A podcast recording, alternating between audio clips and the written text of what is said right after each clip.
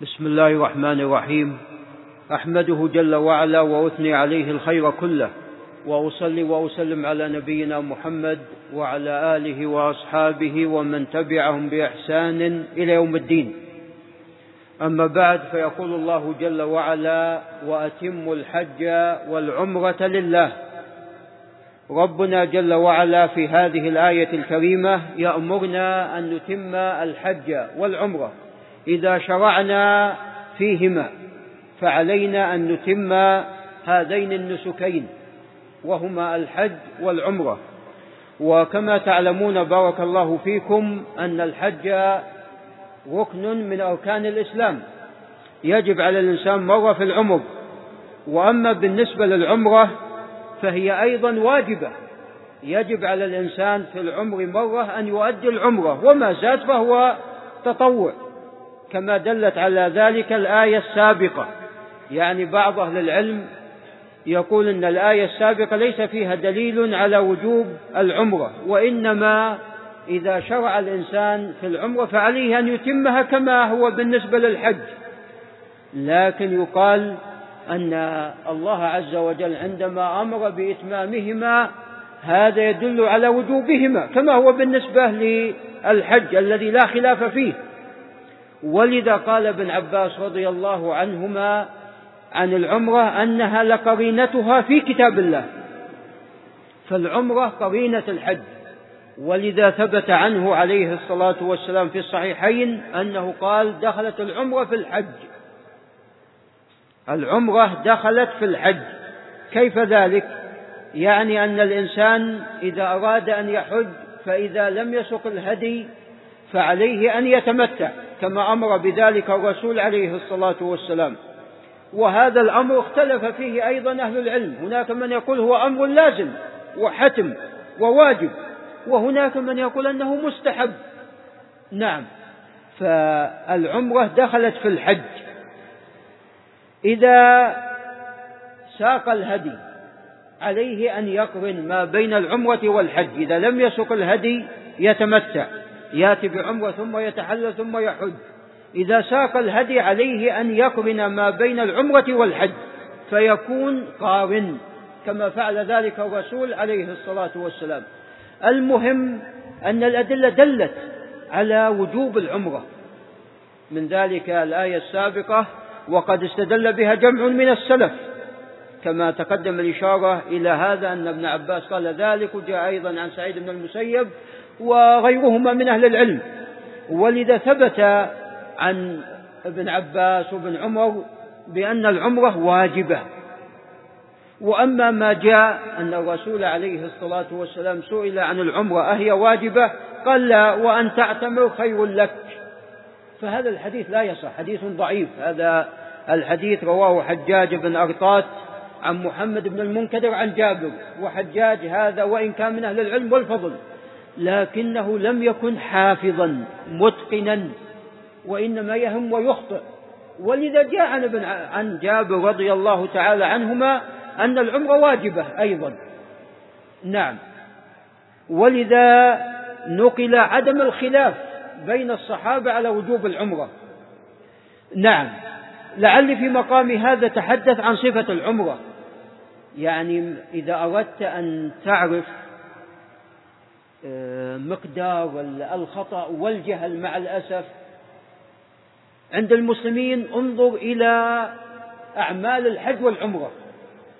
يعني تجد الخطأ عند الكثير واضح وبين وتجد اضطراب عند الناس. هذا يفعل كذا وهذا يفعل كذا وهذا يفعل غير الأول والثاني وهكذا. فأقول مظاهر الجهل ونقص العلم والخطأ تظهر بالذات فيما يتعلق بمناسك الحج والعمرة لأن الناس مجتمعون في مكان واحد والناس أيضا قد أتوا من جميع أصقاع الدنيا من كل مكان فمظاهر الجهل مع الأسف تظهر والمسألة بحمد الله سهلة ما على الإنسان إلا أن يتعلم ويسأل وما يحتاج هذا إلا وقت يسير. حتى يعرف. جاء في صحيح الإمام مسلم من حديث أبي الزبير عن جابر أن الرسول عليه الصلاة والسلام قال خذوا عني مناسككم أي افعلوا كما أفعل. وهذا في جميع العبادات والطاعات كما قال الله جل وعلا لقد كان لكم في رسول الله أسوة حسنة. في كل العبادات والطاعات. ولذا في الصلاة ماذا قال أيضا كما جاء في صحيح البخاري؟ قال صلوا كما رأيتموني أصلي. وجاء في حديث سهل بن سعد في الصحيحين أن الرسول عليه الصلاة والسلام في مرة من المرات صعد المنبر. ليس لكي يخطب الناس وإنما لكي يصلي. فكبر وهو على المنبر عليه الصلاة والسلام ثم ركع ثم رفع من الركوع ثم عندما أراد أن يسجد نزل. منبر عليه الصلاة والسلام كان من خشب ليس مثل المنابر الآن واسعة ممكن الإنسان أن يصلي ويسجد لا. منبر من خشب ثلاث درجات. فليس هناك محل السجود. فنزل وسجد ثم رفع من السجود ثم سجد ثم صعد مرة ثانية. ثم بعد أن انتهى من صلاته قال إنما فعلت هذا حتى تأتموا بي وتعلموا صلاتي. قال إنما فعلت هذا حتى تأتموا بي وتعلموا صلاتي فلذا يا أيها الإخوة يعني كما تعلمون أيضا لا يخفى أن كل عمل لا يقبل إلا بشرطين أن يكون الإنسان مخلصا فيه لله عز وجل. كما قال الله تعالى قل إن صلاتي ونسكي ومحياي ومماتي لله رب العالمين لا شريك له وبذلك أمرت وأنا أول المسلمين. والأمر الثاني أن يكون موافق لهدي الرسول ولسنته عليه الصلاة والسلام لأن ليس للإنسان الحق أن يتعبد كيفما أراد وكيفما شاء لا. العبادة بحمد الله مقصورة ومحددة ومبينة ومضبوطة ولا يجوز الإنسان أن يخرج عن صفة هذه العبادة التي جاءت عن رسول الله صلى الله عليه وسلم. وبذا يقبل العمل. إذا خلص إذا خلصت وإذا و وإذا تابعت. الرسول عليه الصلاة والسلام هنا يقبل عملك نعم إذا جاء الإنسان إلى طبعا القادم إما أن يكون هو داخل المواقيت. هناك مواقيت وقتها عليه الصلاة والسلام وهذه المواقيت أربعة والخامس فيه خلاف هل وقت الرسول عليه الصلاة والسلام أو وقته عمر باجتهاد منه و آه، أن هذا الاجتهاد قد أقره أيضا عليه الصحابة. طبعا الرسول عليه الصلاة والسلام يقول عليكم بسنتي وسنة الخلفاء الراشدين المهديين من بعدي والخلفاء الراشدين كما نعلم أبو بكر وعمر وعثمان وعلي رضي الله تعالى عن الجميع. فقيل أن عمر هو الذي وقته وقيل أن اجتهاد هذا من عمر وافق فيه الرسول عليه الصلاة والسلام. نعم. إما أن يكون داخل المواقيت أو يكون خارج المواقيت. إذا كان خارج المواقيت عليه أن يحرم في هذه المواقيت. ولا يجوز أن يتجاوز هذه المواقيت إذا كان مريد للحج والعمرة إلا بإحرام. كما جاء عن ابن عباس رضي الله تعالى عنهما أن الرسول عليه الصلاة والسلام وقت لأهل المدينة ذا الحليفة ولأهل الشام الجحفة ولأهل نجد قرن المنازل ولأهل اليمن يلملم. وفي حديث جابر في مسلم أن وقت لأهل العراق ذات عرق وهي التي وقع فيها الخلاف. هل عمر اللي وقته ولا؟ يعني عمر نعم جاء في صحيح البخاري أنه جاء إليه أهل العراق. قالوا أن ذات أن قرن المنازل جور عن طريقنا ليس على طريقنا إذا أردنا أن نأتي إلى الحج. فقال انظروا ما يحاذيها. فوجدوا الذي يحاذيها ماذا؟ ميقات أهل العراق؟ نعم. كيف يا أبو محمد؟ ذات عرض هذه تسمى الضريبة الآن. فوجدوا أن هي التي تحاذيها.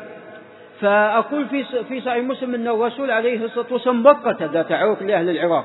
هذا قد يكون خفي على عمر ما يدري. فاجتهد فوافق اجتهاد اجتهاد الرسول صلى الله عليه وسلم. ولذا كان أحيانا عمر يعني يقول بالشيء وينزل الوحي مؤيدا لما قاله عمر رضي الله تعالى عنه. لأنه كما بين عليه الصلاة والسلام أنه محدث ملهم محدث من قبل الله عز وجل ليس برسول ولا نبي لا. وإنما يقع في قلبه الشيء فيكون موافق للحق. الرسول عليه الصلاة والسلام قال استفتي قلبك وإن أفتاك الناس. يعني أحيانا الإنسان إذا كان بحمد الله مريد للخير وللحق الله عز وجل يدل على الحق. هذا شخص من من هولندا فيما أظن الهولندا هذه قصة سمعتها من قبل سنوات. نشأ نصراني وكان كاره لهالديانة يعني كيف ثلاثة تساوي واحد التثليث عندهم. فشيء غير مقبول عقلا بالإضافة إلى أنه مرفوض شرعا. فكان في حيرة ومتردد.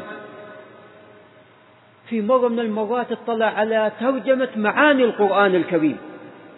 فقرأ في في ترجمة المعاني تفسير سورة الإخلاص. طبعا القرآن الكريم ما يترجم وإنما ترجمة المعاني ترجمة التفسير. فوجد في سورة الإخلاص أن الله عز وجل يقول قل هو الله أحد فوقع الإسلام في قلبه. من اطلاع على هذه الجزئية وهي أمر عظيم لأنه مريد للحق فالله عز وجل دله على الحق.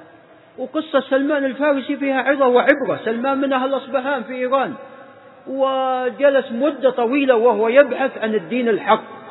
ذهب من إيران يعني كان مجوسي ثم صار نصراني ثم من يعني ذهب من راهب إلى آخر.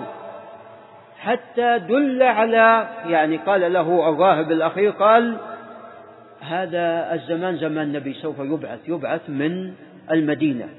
فذهب وأتى وطبعا وقع عليه رق وكذا. المهم إلى أن أتى وبحمد الله أسلم وأصبح من أفاضل وأكابر الصحابة رضي الله عنهم جميعا. المهم غالبا من أراد الخير الله عز وجل يدله. لكن أهم شيء يكون نيتك صادقة في طلب هذا الخير. ولذا كما تقدم الرسول عليه الصلاة والسلام يقول استفتي قلبك. فقلب المؤمن يدل على الحق. نعم وليس معنى هذا أن الإنسان لا يسأل ولا يبحث ولا يتعلم لا. وإنما بعد البحث والسؤال.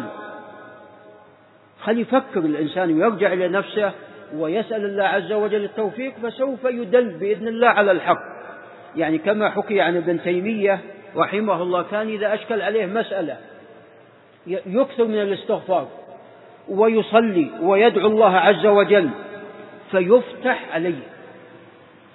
وهذا كما تقدم غير ما تقدم من أدلته جاء في صحيح البخاري في حديث جابر حديث محمد بن المنكدر عن جابر أن الرسول عليه الصلاة والسلام قال إذا هم أحدكم بالأمر فليركع ركعتين من غير الفريضة.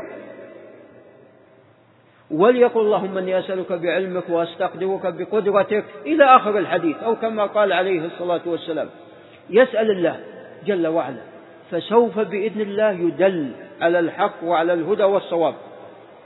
المهم إذا جاء الإنسان إلى الميقات فالسنة في حقه أن يغتسل.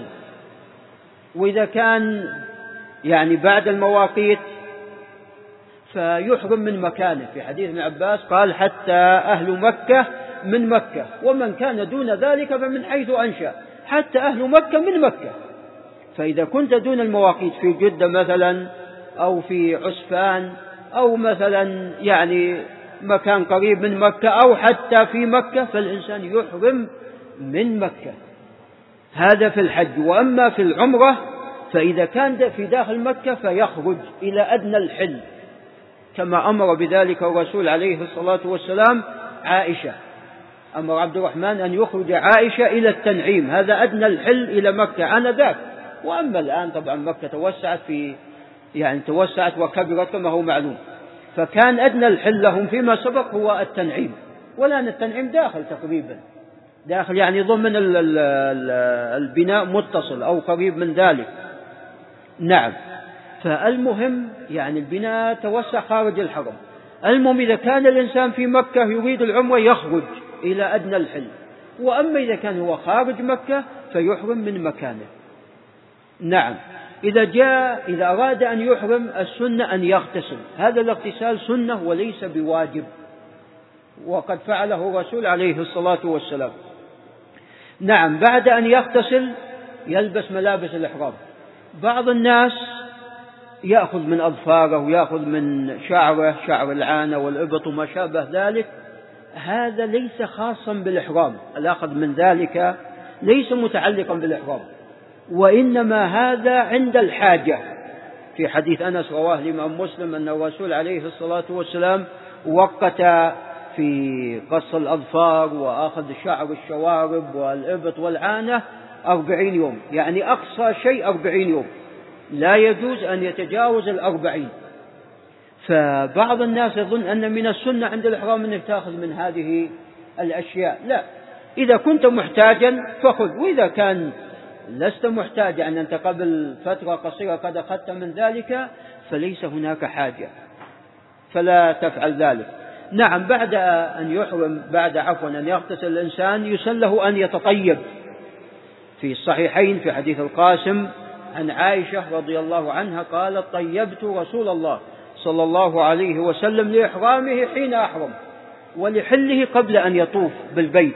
فالسنة أن الإنسان يتطيب ويكون هذا الطيب في البدن لا في, لا في ثوب الإحرام وإنما يكون في بدنه. ولذا في أيضا في الصحيحين في حديث عائشة قالت كنت أنظر إلى وبيص المسك في مفرق رأس رسول الله صلى الله عليه وسلم. فالطيب هنا يكون في البدن في الشعر في باقي البدن. وأما الثوب ممنوع أن يطيبه الإنسان عندما يريد أن يحرم. نعم. إذا تطيب اغتسلت وتطيبت ولبست ملابس الإحرام فهنا السنة أن تحرم. بعض الناس يظن أنه إذا لبس ملابس الإحرام يكون دخل في النسك. لا حتى تنوي. حتى تنوي الدخول في النسك. ليس مجرد لبس ملابس الإحرام تكون محرما. تكون محرما لا. وإنما إذا, نو... إذا نويت والنية طبعا يعني آه، قصد الشيء بقلبك. لا تقل نويت أن أفعل كيت وكيت نويت أن أعمل كذا وكذا لا. هذا ليس من السنة في شيء وإنما هذا من المحدثات. نعم. يشرع لك أن تخبر بالنسك الذي تريد أن تفعله بالنسبة للحج وبالنسبة للعمرة تقول لبيك اللهم عمرة أو تقول لبيك عمرة. لأن الرسول عليه الصلاة والسلام عندما جاء في حجة الوداع قال لبيك اللهم عمرة وحج كما في حديث أنس في الصحيحين. إذا ما قلت لبيك عمرة الله عز وجل يعلم ما في قلبك يعني أنت قاصد. فخلص الله عز وجل يعلم ما في قلبك لكن الأفضل أن تقول لبيك عمرة أو لبيك في الحج لبيك عمرة متمتعا بها إلى الحج هذا فيما يتعلق بالحج. نعم أنت تريد أن تعتمر عن أبيك عن أمك تقول لبيك عمرة عن أبي لبيك عمرة عن أمي لبيك عمرة عن فلان. هذا هو الأفضل. نعم. نعم إذا أردت أن تحرم السنة إذا ركبت على سيارتك وتتجه إلى القبلة. هذا الأفضل والأكمل. ما دليل ذلك في حديث نافع عن ابن عمر أن الرسول عليه الصلاة والسلام عندما ركب على دابة وقامت به استقبل القبلة ولبى استقبل القبلة ولبى فالأفضل أنك تركب على سيارتك وتستقبل القبلة ثم تقول لبيك اللهم عمرة ثم بعد ذلك تشرع بالتلبية. لبيك اللهم لبيك لبيك لا شريك لك لبيك إن الحمد والنعمة لك والملك لا شريك لك. هذا كله من السنة. إيش معنى لبيك اللهم لبيك؟ معنى ذلك أنا مقبل عليك يا ربي وملبي لندائك عندما أمرت بالحج على وفرضت ذلك على عبادك وأذن في الناس بالحج كما أمر الله عز وجل نبيه وخليل إبراهيم عليه السلام. ومن معاني التلبية الإقامة. يعني أنا مقيم على طاعتك وعلى عبادتك. من معاني التلبية الإقامة. تقول لبى فلان بالمكان يعني أقام. ومن معاني التلبية المحبة. يقال امرأة لبة لأولادها أو لزوجها يعني محبة. فمن معاني التلبية أيضا المحبة. وكلها مقصودة هنا. أنا محب لك يا ربي أنا مقبل عليك أنا مخلص. إليك في هذا العمل أنا مقيم على طاعتك مرة بعد مرة لبيك اللهم لبيك لبيك لا شريك لك لبيك. إن الحمد والنعمة لك والملك لا شريك لك. ف يعني أنا مقيم ومداوم مرة بعد مرة واعبد ربك حتى يأتيك اليقين. اليقين هنا المقصود به الموت. نعم. بعد ذلك الإنسان يستمر. هذا من السنة. التلبية من السنة. يرفع السنة أيضا أن يرفع صوته بالتلبية. في حديث خلاد بن السائب عن أبيه الذي جاء في السنن أن الله عز وجل أمر جبريل أن يأمر الرسول عليه الصلاة والسلام أن يأمر من معه أن يرفعوا أصواتهم بالتلبية. ولذا كان الصحابة يلبو نعم يلبون أو يلبون حتى تبح أصواتهم. حتى تبح الأصوات من استمرارهم على التلبية يلبون عفوا يلبون حتى تبح الأصوات. هذا كله من السنة. متى تقطع التلبية؟ تقطع التلبية إذا وصلت إلى الحرم. المقصود بالحرم هنا ليس المسجد الحرام وإنما منطقة الحرم. أيضا ما الدليل على ذلك؟ أن عبد الله بن عمر كان إذا دخل أدنى الحرم أمسك عن التلبية. ويخبر أن الرسول عليه الصلاة والسلام كان يفعل ذلك. بعض أهل العلم يقول تلبي حتى ي... حتى تستلم الحجر. لا الذي ثبت في السنة أنك تلبي إلى أن تدخل إلى منطقة الحرم.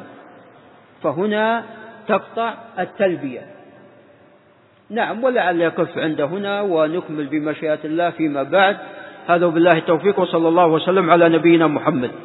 بسم الله الرحمن الرحيم. وبه أستعين وعليه أتوكل وأسأله لي ولكم المزيد من فضله وأن يجعلنا وإياكم من المقبولين الفائزين المعتقين من النار. نحن ووالدين وسائر المسلمين. وأصلي وأسلم على نبينا محمد وعلى آله وأصحابه ومن تبعهم بإحسان إلى يوم الدين.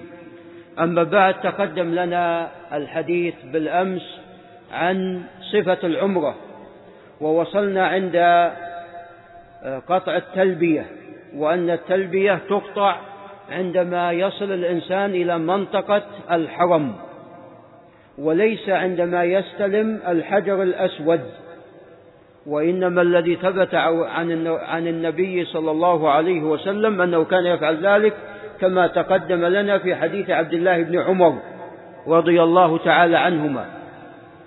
عندما يصل إلى المسجد الحرام يبدأ برجله اليمين وهذه هي السنة في دخول المساجد كما هو معلوم. ويقول اللهم افتح لي أبواب رحمتك اللهم افتح لي أبواب رحمتك. وقد جاء هذا في صحيح الإمام مسلم. وأما قول الإنسان بسم الله اللهم صل وسلم على رسول الله اللهم افتح لي أبواب رحمتك ونحو ذلك. يعني هذا الذي ثبت ثبت بعض ذلك وليس كله. يعني عندما يأتي الإنسان يقول اللهم افتح لي أبواب رحمتك. هذه السنة في ذلك. بعد أن يدخل السنة أن يدخل من باب بني شيبة. أو عفوا عند الدخول إلى المسجد الحرام السنة أن يدخل من باب بني شيبة. لكن هذا باب بني شيبة الآن ليس موجودا. طبعا جاء في في مستدرك الحاكم وسنن البيهقي أن قريشا عندما أرادت أن تبني الكعبة عندما أرادت أن تبني الكعبة تنازعوا في وضع الحجر الأسود أيهم يضعه؟ فقالوا نحكم أول داخل من هذا الباب وكان الرسول عليه الصلاة والسلام هو الداخل وهذا قبل أن يبعث عليه الصلاة والسلام هذا كان في الجاهلية قبل البعثة. نعم فعندما دخل عليه الصلاة والسلام قالوا هذا الأمين وكلهم رضي به حكما عليهم.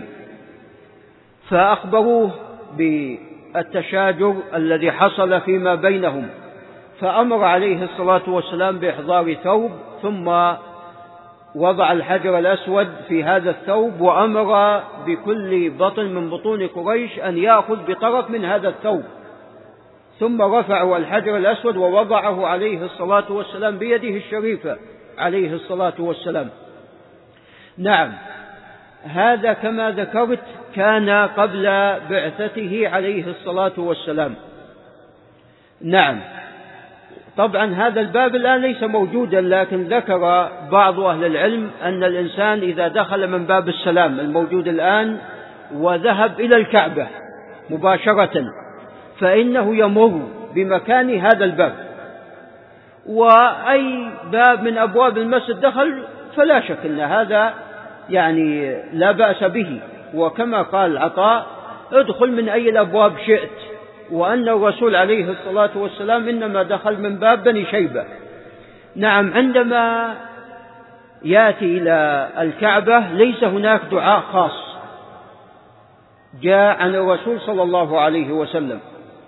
وإنما جاء عن عمر رضي الله عنه أنه قال اللهم أنت السلام فحينا ربنا بالسلام. اللهم أنت السلام ومنك السلام فحينا ربنا بالسلام. هذا جاء عن عمر رضي الله تعالى عنه. نعم جاء هناك حديث أن الرسول عليه الصلاة والسلام كان يقول اللهم إيمانا بك وتصديقا بكتابك ووفاء بعهدك واتباعا لسنة نبيك عليه الصلاة والسلام. هذا الحديث لا يصح. هذا الحديث جاء عن علي رضي الله تعالى عنه والإسناد إليه غير صحيح. فيه الحارث بن عبد الله الأعور وهو لا يحتج به. نعم. فعندما يأتي يستقبل الحجر الأسود ويحاذيه وإذا أمكن له أن يقبل الحجر الأسود فهذا هو الأفضل كما فعل ذلك الرسول عليه الصلاة والسلام. إذا ما استطاع أن يقبله استلمه بيده والاستلام هو وضع الحجر هو وضع اليد على الحجر هذا الاستلام. ثم يقبل يده كما فعل ذلك الرسول عليه الصلاة والسلام وضع يده على الحجر وقبل يده. هو ثبت عنه عليه الصلاة والسلام أنه قبله وأنه أيضا وضع يده عليه وقبل يده وأنه استلمه بمحجن وقبل أيضا المحجن العصا التي كانت معه. وإلا يشير إليه إشارة إذا كان بعيدا يشير إليه إشارة بيده اليمنى ويقول الله أكبر. طبعا بعض الناس يشير بكلتا يديه السنة بيد واحدة وهي اليمنى. ويكبر مرة واحدة. بعض الناس أيضا يكبر ثلاث مرات. إنما الذي جاء تكبيرة واحدة كما في حديث ابن عباس في البخاري كان يشير إليه ويكبر. أي الرسول صلى الله عليه وسلم. نعم بعض الناس يقول بسم الله والله أكبر. السنة التكبير فقط. أما بسم الله والله أكبر هذا جاء عن عبد الله بن عمر رضي الله تعالى عنهما. وأما الذي جاء عن الرسول عليه الصلاة والسلام التكبير فقط. نعم. ثم بعد ذلك يشرع في الطواف. إذا جاء إلى الركن اليماني إذا أمكن أن يستلمه فهذا من السنة بدون تقبيل. التقبيل للحجر الأسود. أيضا إذا ما استطاع أن يستلم كأن يكون بعيدا وبالذات في هذه الأوقات والأزمان لا يشير إليه. ما يشير إليه. طبعا إذا استلمه أيضا لا يكبر إنما التكبير عند الحجر الأسود. ما استطاع أن يستلمه لا يشير إليه. فهو ليس مثل الحجر الأسود. قد يقول قائل يعني لماذا هالتدقيقات؟ هذا اتباعا للرسول صلى الله عليه وسلم اتباعا للسنة. خذوا عني مناسككم. فأمرنا أن نفعل كما فعل هو عليه الصلاة والسلام. يعني كما تلاحظون بعض الناس يقبل الركن اليماني وبعض الناس أيضا الأركان الأخرى أيضا يستلمها. هذا ليس من السنة. عندما معاوية بن أبي سفيان رضي الله تعالى عنه استلم جميع أركان البيت أنكر عليه ابن عباس وقال إن هذا ليس من السنة. فعلى الإنسان أن يتبع الرسول عليه الصلاة والسلام في كل أموره إذا أمكن في جميع أموره. هو القدوة عليه الصلاة والسلام وهو الأسوة. نعم بعد الركن اليماني يقول ربنا آتنا في الدنيا حسنة وفي الآخرة حسنة وقنا عذاب النار. هذا جاء في حديث عبد الله بن السائب أن الرسول عليه الصلاة والسلام كان يدعو بهذا الدعاء بين الركنين. الركن اليماني والحجر الأسود. هل هناك دعاء غير ربنا آتنا في الدنيا حسنة وغير التكبير؟ ليس هناك شيء. فإذا قرأ الإنسان القرآن أو سبح وهلل أو دعا في أثناء طوافه فكل هذا لا بأس به. وإنما السنة كما تقدم الذي ثبت عنه هو التكبير عند الحجر وقول ربنا آتنا في الدنيا حسنة إلى آخر الدعاء ما بين الركن اليماني والحجر الأسود. طبعا بعض الناس إذا استلم الحجر الأسود أخذ يمسح على نفسه وإذا كان معه أولاده أيضا مسح عليهم. هذا ليس بمشروع وهذا خطأ. ونحن عندما نستلم الحجر الأسود ليس تبركا وإنما كما تقدم اتباعا للسنة. ولذا عندما جاء عمر كما في الصحيحين ماذا قال رضي الله عنه؟ قال والله إن إني لا أعلم أنك حجر. لا تضر ولا تنفع. الضار والنافع الله جل وعلا. لا تضر ولا تنفع. ولكن رأيت رسول الله صلى الله عليه وسلم يقبلك فأنا أقبلك. فبعض الناس كما تقدم يمسح على نفسه أو بعض الناس إذا جاء إلى مقام إبراهيم عليه السلام مسح على الزجاج ثم مسح على نفسه. وهذا أيضا هذا لا شك أنه غلط. هذه هذا الفعل ترى من عهد عبد الله بن الزبير رضي الله عنه. عبد الله بن الزبير عندما رأى بعض الناس يمسح مقام إبراهيم عليه السلام. طبعا هذا الزجاج هذا كما تعلمون شيء حادث.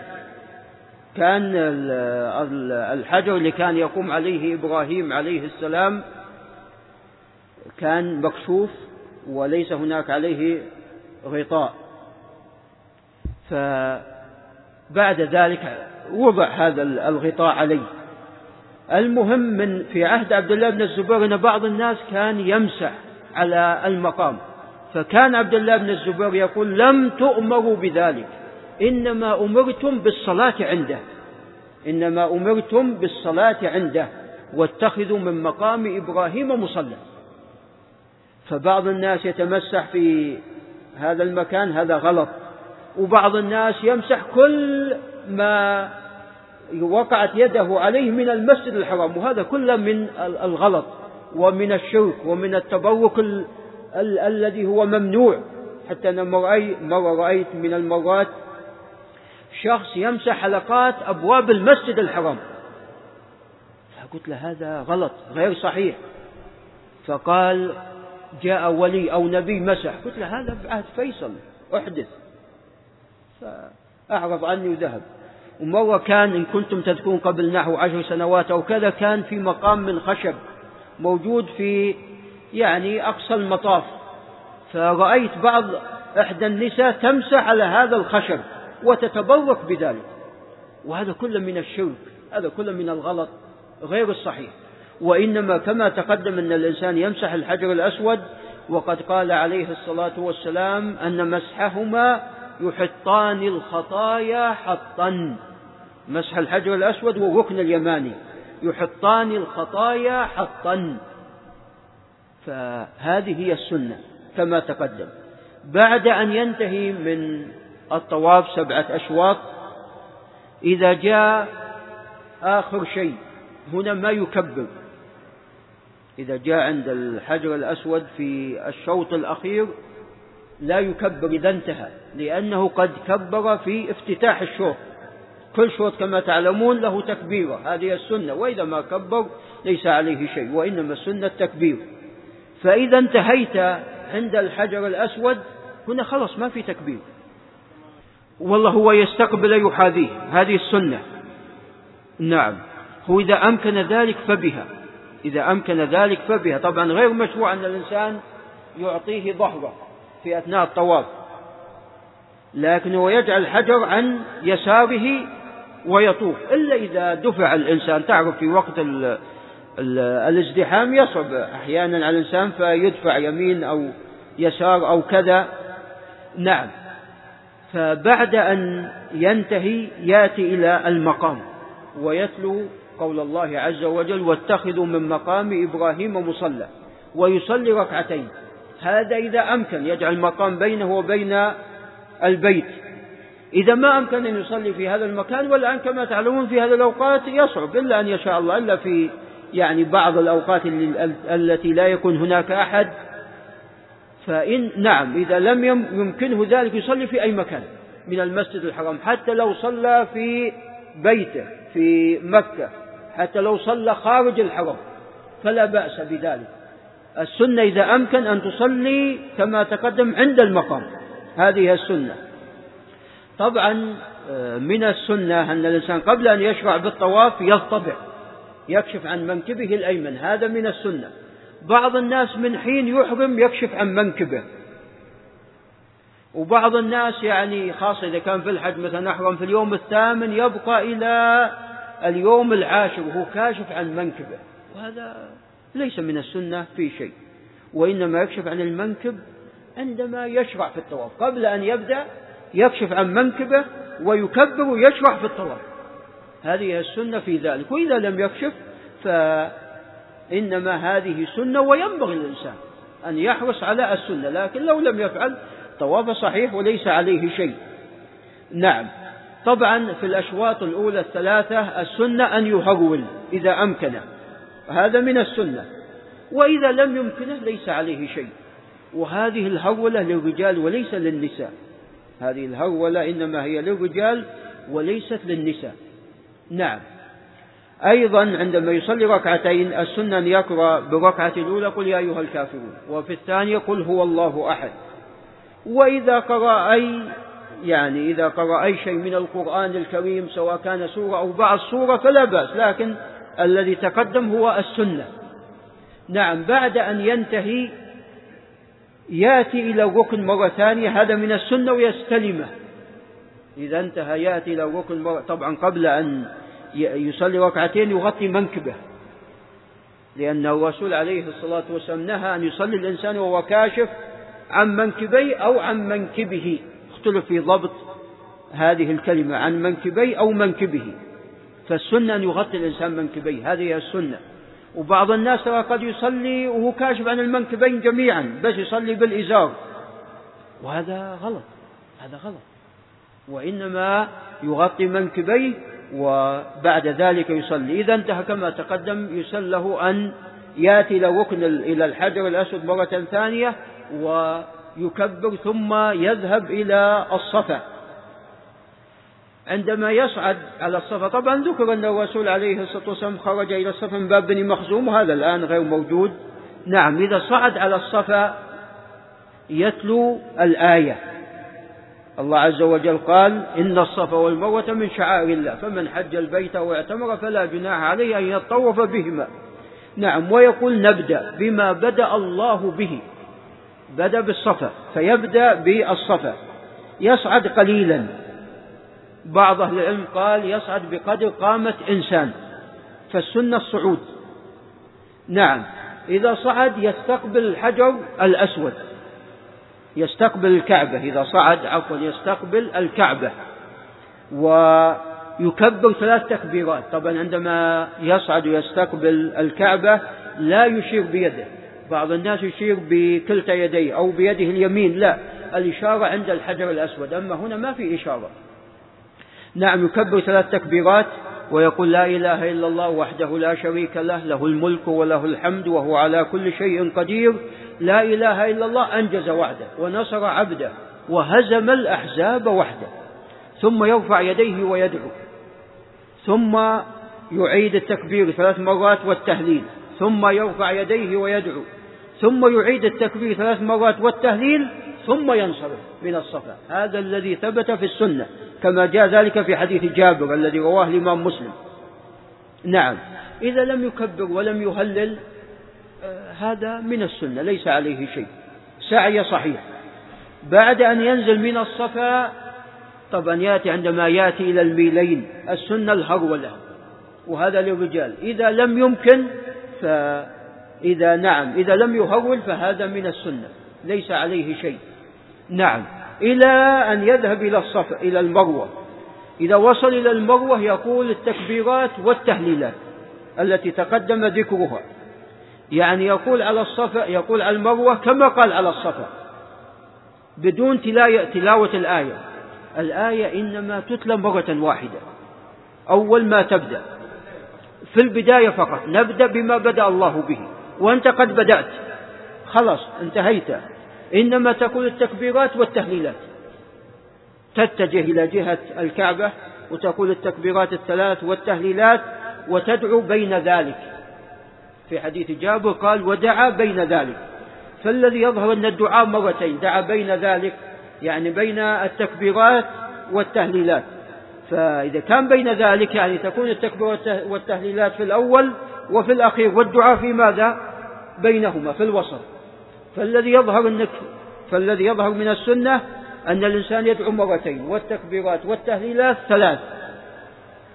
ثلاث مرات يعني يكون تسع تكبيرات تكبر ثلاث ثم تقول لا إله إلا الله وحده لا شريك له له الملك وله الحمد وهو على كل شيء قدير لا إله إلا الله أنجز وعده ونصر عبده وهزم الأحزاب وحده ثم ترفع يديك وتدعو. ثم إذا انتهيت من الدعاء تعيد التكبير والتهليل. ثم بعد ذلك تدعو. ثم تعيد التكبير والتهليل ثم تنصرف بعض الناس كما تقدم يرفع هكذا يديه أو يشير بيد اليمين هذا هنا ليس من السنة أن تفعل ذلك. وإنما ترفع يديك حذو وجهك وتدعو. بعد ذلك تنصرف إلى الصفا وتقول أيضا كما قلت في المرة الأولى دون ذكر الآية. إلى أن تنتهي من الأشواط السبعة. ماذا تقول بين الصفا والمروة؟ لم يحفظ عن الرسول عليه الصلاة والسلام أنه كان يقول شيئا هنا. فإذا دعوت ولا هللت أو سبحت أو قرأت القرآن فهذا كله لا بأس به. وإنما ما في هناك شيء محفوظ عنه عليه الصلاة والسلام. يعني جاء عن عبد الله بن مسعود رضي الله تعالى عنه يقول رب اغفر وارحم وتجاوز عما تعلم إنك أنت الأعز الأكرم. هذا جاء عن عبد الله بن مسعود رضي الله تعالى عنه. وأما عن الرسول عليه الصلاة والسلام لم يأتي عنه شيء هنا. فيعني الأمر بحمد الله فيه سعة. فإذا الإنسان دعا أو سبح أو هلل طبعا هناك في بعض الكتب يذكرون دعاء الشوط الأول دعاء الشوط الثاني الثالث الرابع سواء كان حول الطواف حول البيت أو بين الصفا والمروة. هذا كله ليس من السنة في شيء. هذا كله غير صحيح. ما هناك دعاء معين الشوط الأول أو الثاني أو الثالث لا على الصفا كما لا, لا حول البيت ولا على الصفا والمروة. نعم فهذا كله شيء غير صحيح. طبعا يجب وجوبا أن الإنسان يطوف وهو على طهارة يطوف حول البيت على طهارة. افرض أنت بالشوط الثالث أو الرابع أحدثت. تذهب تتوضأ وتبدأ من حيث انتهيت. تكمل تبني على ما تقدم. مثلا أنت بالشوط الرابع وأقيمت الصلاة. بعد الصلاة تبدأ من حيث ما انتهيت تبني على ما تقدم. تبني على ما تقدم. نعم. طبعا بعض الناس كما تلاحظون يعني بعضهم واحد يدفع الثاني وهذا غلط وبعضهم يأتي بالنساء في شد في وسط الزحمة وهذا أيضا من الغلط. بعض الناس قد يكلم بجواله أثناء الطواف. وهذا أيضا من الغلط. هذه الآن أنت في عبادة. يعني جاء عن ابن عباس يقول الطواف بالبيت صلاة إلا أن الله أحل الكلام فيه. يعني من تكبير ودعاء وما شابه ذلك. أو أن الإنسان يتكلم عند الحاجة. وأما إنسان بيرد على فلان يرد على فلان فهذا ينافي العبادة. هذا ينافي العبادة. نعم. بعد أن ينتهي في من السعي بين الصفا والمروة يكون طبعا انتهاء عند المروة. هنا ما يقول شيء. الشوط السابع الأخير عندما ينتهي على المروة هنا لا يقال شيء. لماذا؟ لأن بداية الشوط السابع وين قال الذكر؟ على الصفا. أنت الآن افتتحت طوافك بالذكر على الصفا. هذا تذهب شوط وصلت إلى المروة تدعو تكبر هنا وتدعو وتهلل. هذا افتتاح لشوط ثاني على المروة ثم الصفا هذا ثالث. إلى أن تأتي إلى السابع على الصفا. وصلت إلى المروة تكون انتهيت من ماذا؟ انتهيت من السعي. نعم. فما هناك ذكر ودعاء يقال لأنك هنا قد انتهيت. نعم. بعدما ينتهي الإنسان كما تعلمون يأخذ من شعره طبعا بالنسبة للرجال الأفضل أن الإنسان يحلق وإذا قصر فلا بأس بذلك. الرسول عليه الصلاة والسلام كما تعلمون دعا للمحلقين ثلاثا. وللمقصرين مرة واحدة. لكن ينبغي في التقصير أن الإنسان يعمم شعره. بعض الناس يأخذ بعض الشعرات. لا هذا غلط. وإنما الذي ينبغي أن يعمم شعره. بالنسبة للمرأة تأخذ بقدر الأنملة. وإذا أخذ الإنسان سواء كان رجل أو امرأة أخذوا من الشعر يكون هنا قد تحلل وانتهى من العمرة. و آه، يعني يحل له كل شيء إذا انتهى هذا بالنسبة للعمرة وبالنسبة للحج يكون إذا كان متمتع يكون هنا قد يعني انتهى من العمرة وتحلل أيضا تحلل كامل. وأما إذا كان قارن فطبعا تكون العمرة داخلة في الحج. نعم هذا بالله التوفيق وصلى الله وسلم على نبينا محمد. أي نعم. نعم. نعم. نعم. يقول عندما تحاذي الطائرة الميقات. طب ينوي نعم. والأفضل له أن يكون مستعد. أقول الأولى أن يكون مستعد يعني لا إذا أمكن لابس الإحرام حتى من حين يحاذي يلبي. نعم. والله هذا جاء طبعا أن الرسول عليه الصلاة والسلام عندما حج حجة الوداع في يوم العيد عندما طاف طواف الإفاضة في اليوم العيد يوم النحر اليوم العاشر عندما طاف طواف الإفاضة جاء إلى زمزم وناولوه الدلو عليه الصلاة والسلام وشرب وهو جالس عليه نعم شربه وهو قائم عليه الصلاة والسلام. فزمزم طبعا كما تعلمون ماء مبارك والإنسان ينوي به يعني من خير الدنيا والآخرة. ينوي به مثلا الإيمان ينوي به العلم ينوي به أن الله عز وجل ينجيه من عذاب النار في يوم القيامة إذا كان مريضا ينوي به الشفاء إلى آخره. نعم. ذكر عن ابن حجر رحمه الله أنه عندما جاء إلى زمزم وشرب نوى به أن يصل إلى مرتبة الذهبي الحافظ الذهبي في الحفظ. قال تلميذ السخاوي أنه بلغ هذه الدرجة. يقول ابن العرب المالكي إني أنا عندما جيت إلى زمزم وشربت يعني نويت العلم. قال يا ليت إني نويت الإيمان. العلم الحمد لله يقول جاني. يقول لكن أبغى زيادة في الإيمان. يقول يا ليت. يعني هذا فيما بعد. يقول يا ليت نويت الإيمان. فالإنسان ينوي خير الدنيا والآخرة. ولعل الله عز وجل يحقق له جميع ما نواه.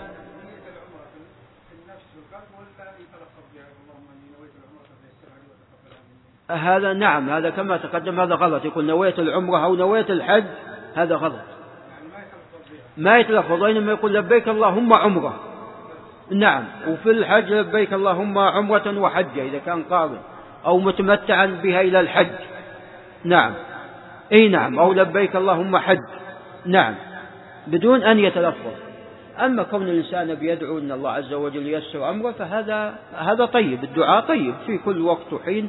الدعاء. طيب وبالذات عندما يكون الإنسان في المسجد الحرام فرصة أن الإنسان يكثر من الدعاء. لعل الله عز وجل أن يستجيب له. هذه بعض الأسئلة. هذا السؤال الأول ما فضل العمرة في رمضان؟ طبعا جاء في صحيح البخاري أن عمرة في رمضان جاء في الصحيحين أن عمرة في رمضان تعدل حجة وفي رواية حجة معي. فالعمرة في رمضان لها ميزة بحمد الله. وأنها تكون من حيث الثواب مثل الذي يؤدي الحج. فثوابه عظيم. وليس فقط أيضا الذي يؤدي الحج فكما في الرواية الأخرى كأنه حج مع الرسول صلى الله عليه وسلم. هذا السؤال الثاني ما حكم تكرار العمرة في سفر واحد؟ نعم. طبعا السنة أن الإنسان إذا انتهى من العمرة يكثر من الطواف حول البيت. أفضل من أن يخرج مرة ثانية ويأتي بعمرة. يكثر من الطواف حول البيت. لكن لو خرج وأتى بعمرة ثانية فلا بأس.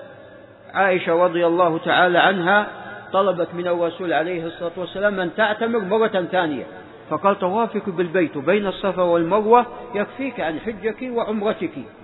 فأرادت أن تأتي بعمرة مستقلة. فأمر أخوه عبد الرحمن أن يخرجها إلى التنعيم كما تقدم لنا بالأمس. نعم إلا إذا كان الإنسان بيؤدي العمرة عن والده أو والدته أو يعني شخص قريب له مثلا وطلب من عند ذلك أو هو تبرع فلا بأس أن يخرج إلى الحل كما تقدم ويأتي بعمرة أخرى أو ثالثة. لكن الذي يلاحظ أن بعض الناس يعني باليوم يمكن يؤدي ثلاث عمرات أو أربع عمرات كلها لنفسه. لا أنت أكثر من الطواف بالبيت. هذا الذي فعله الرسول عليه الصلاة والسلام. أكثر من الطواف بالبيت. هذا يسأل هل العمرة في العشر الأواخر ميزة على غيرها؟ العمرة في رمضان جميعا لها ميزة على باقي الأشهر.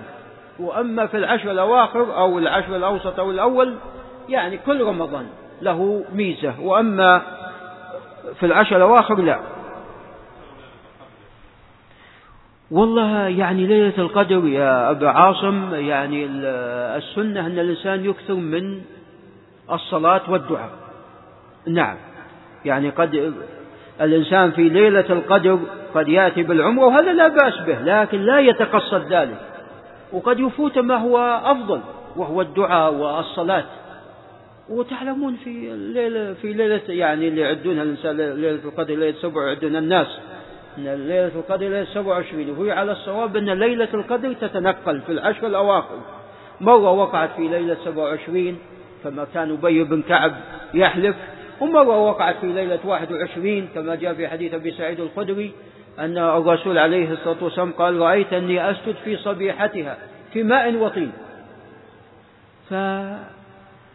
ففي هذه الليلة جاء في قبيل الفجر جاء مطر ونزل المطر إلى الأسفل فعندما صلى الرسول عليه الصلاة والسلام بهم صلاة الصبح وسلم واستقبلهم وجدوا على أثر جبهته الشريفة عليه الصلاة والسلام أثر الماء والطين. فتحقق ما أخبر به عليه الصلاة والسلام. فأقول الإنسان يعني في ليلة 27 الحرم ممتلئ إلى آخره. فهذا عندما ينشغل بذلك يعني راح يصرف عن الصلاة التي هي الأولى الآن. يعني ما يسمى هناك فقه الأولويات. يعني أن الآن عندما يؤذن المؤذن وأنت تقرأ القرآن ما هو الأفضل؟ أن تستمر ولا تردد مع الأذان؟ الأفضل نعم أنت كما قال برايد تردد مع الأذان. هذا الآن وقته. هذا الآن ماذا؟ هذا وقته الآن. فكل شيء في وقته. هذا هو الأكمل والأفضل. هذا السؤال الرابع هل يشرع الإهداء في العمرة؟ تقدم نعم يشرع. أن الإنسان يأتي بعمرة عن أبيه أو عن أمه نعم أو عن قريبه وما شابه ذلك. الشيخ عبد العزيز أنا سمعت الشيخ عبد العزيز بن عبد الله بن محمد بن عبد اللطيف بن عبد الرحمن بن حسن بن محمد عبد الوهاب المفتي الآن. حفظنا الله وإياه. يقول أديت الحج عن ابن عبد البر. ابن عبد البر توفي عام 56 و400 يعني مضى له من وفاته تقريبا ألف سنة. فلم يذكر أنه حج كان في الأندلس. رحمه الله من كبار العلماء. كان في الأندلس وكان في يعني وقته رحمه الله كان كثرة اضطرابات في بلاد الأندلس. بدأ الضعف يدخل على المسلمين في الدولة الأموية في الأندلس. فلم يذكر أنه حج ما تمكن. ولا حتى ابن حزم صاحبه.